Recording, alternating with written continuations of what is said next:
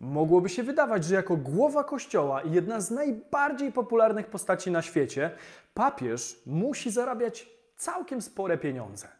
Pytanie brzmi, czy tak jest w rzeczywistości? Przekonajmy się. Cześć, tutaj Damian Olszewski. Witam Cię serdecznie na moim kanale, gdzie rozmawiamy o finansach, biznesie i inwestowaniu. I to nie tylko w przypadku szarych Kowalskich, ale również mówimy tu o znanych osobistościach, takich jak na przykład sam papież.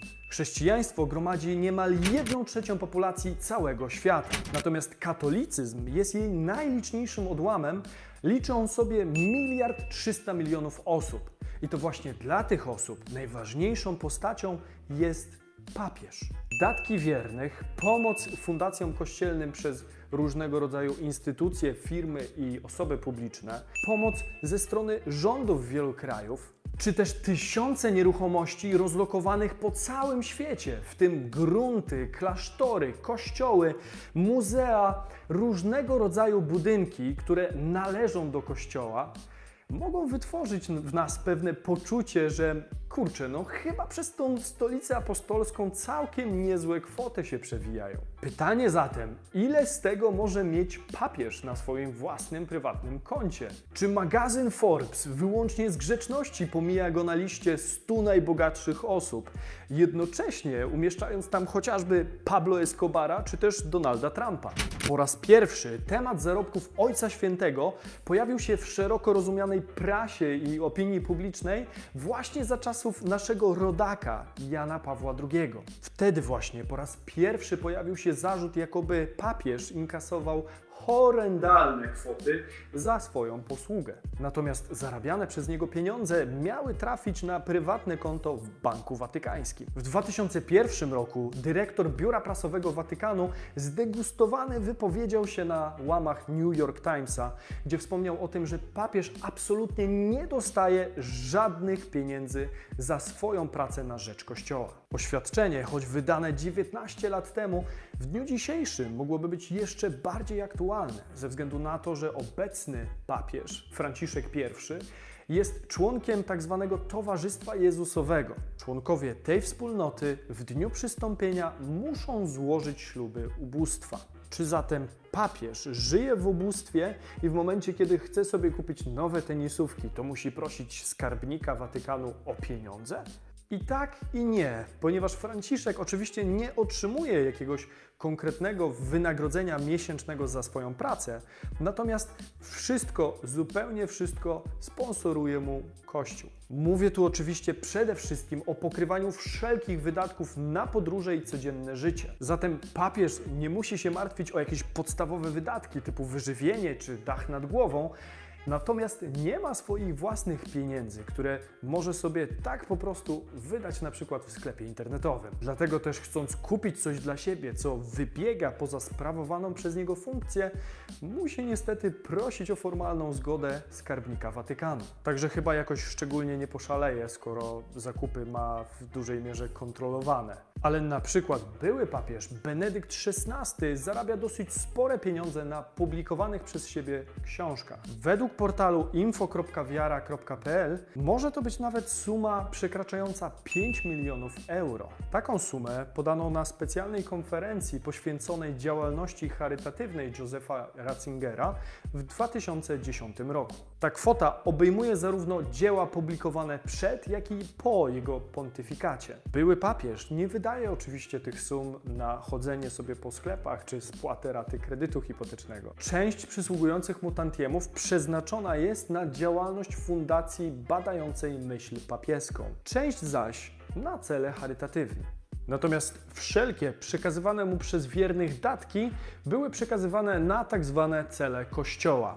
Oczywiście zgodnie z intencją ofiarodawcy, jeżeli takowa została wyrażona. Wróćmy jednak do obecnego papieża Franciszka I. Pomimo faktu, że nie otrzymuje on wyraźnego wynagrodzenia za swoją pracę, to nie jest oczywiście tak, że nie ma do dyspozycji nawet jednego euro. Jako papież może on dysponować praktycznie dowoli wszelkimi kwotami wpłacanymi przez ofiarodawców, to znaczy, że to on decyduje, gdzie i jaki cel charytatywny zostanie zaspokojony. To dopiero jego ostateczna decyzja definiuje, komu i w jakiej sytuacji zostaną te pieniądze przekazane. Oczywiście mówimy głównie o sytuacjach katastrof, czy to e, środowiskowych, czy to ubóstwa bądź ludzi dotkniętych głodem czy brakiem wody. Jakiś czas temu papież na przykład zadecydował, że pieniądze z tak zwanego świętopietrza, czyli około 500 tysięcy euro, trafi do meksykańskich uchodźców, zapewniając im dach nad głową i podstawowe środki do przeżycia. Czy zatem wszystkie osoby, które są związane z zarządzaniem najmniejszym państwem na świecie, czyli stolicą apostolską, liczącą zaledwie 44 hektary, są tam wyłącznie charytatywnie? Mówimy przecież o biskupach i o calutkiej administracji. Według danych Annuario Pontificio z 2018 roku na całym świecie posługuje 5350 biskupów, 415 tysięcy kapłanów oraz 659 tysięcy sióstr zakonnych. A najważniejsze osoby w Kościele katolickim, czyli Kolegium Kardynałów, liczy sobie 223 członków. Konto każdego z kardynałów zasilane jest z watykańskiego skarbca kwotą 5000 euro miesięcznie. Oczywiście kardynałowie nie muszą też płacić ani za koszty podróży, ani za mieszkania, ani za własne ubrania. Sama stolica apostolska dysponuje rocznie budżetem około 300 milionów euro z czego niemal połowa wydawana jest na płace pracowników. Jak widać, nawet w niewielkim państewku można mieć przerośniętą administrację. Od lat sugeruje im się redukcję etatów. W kurii rzymskiej, czyli centrum administracyjnym kościoła, zatrudnionych jest około 3000 ludzi. W administracji państwa watykańskiego jeszcze około 2000. Dlatego Watykan, tak jak inne państwa, musi mierzyć się z problemem deficytu w budżecie, który w 2018 roku wynosił 70 milionów euro.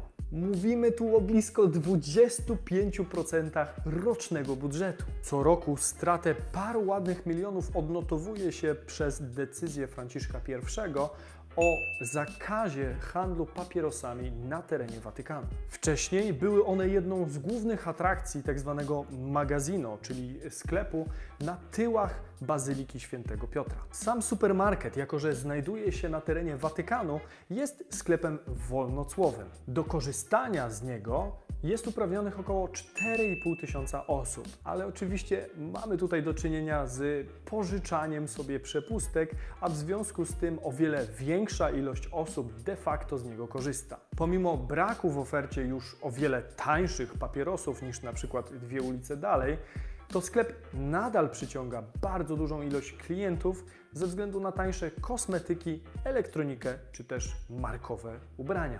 Co ciekawe, aktywa finansowe stolicy apostolskiej są wyceniane obecnie na około 1 800 milionów euro. Do tego dochodzą aktywa administracji, które wyceniane są mniej więcej na pół miliarda.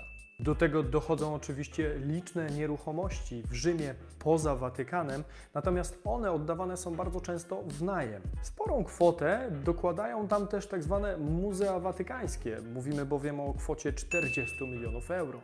Jeszcze do 2013 roku, przed objęciem tronu papieskiego przez Franciszka I, największymi aktywami w Watykanie dysponował nie kto inny jak Bank Watykanu.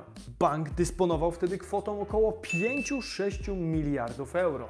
Obecny papież z racji wszelkich skandalów ciągnących się wokół tej instytucji od lat 80. ubiegłego wieku stwierdził, że zredukuje go do małego banku, który będzie zajmował się tylko depozytami i przelewami robionymi przez duchownych czy jakieś inne instytucje. Tak więc Bank Watykański w chwili obecnej przynosi zaledwie ponad 17 milionów euro przychodu. Papież Franciszek postawił sobie za cel uzdrowić administrację oraz finanse stolicy apostolskiej. Pomimo oporów ze strony kurii rzymskiej, transformacje nadal są wdrażane.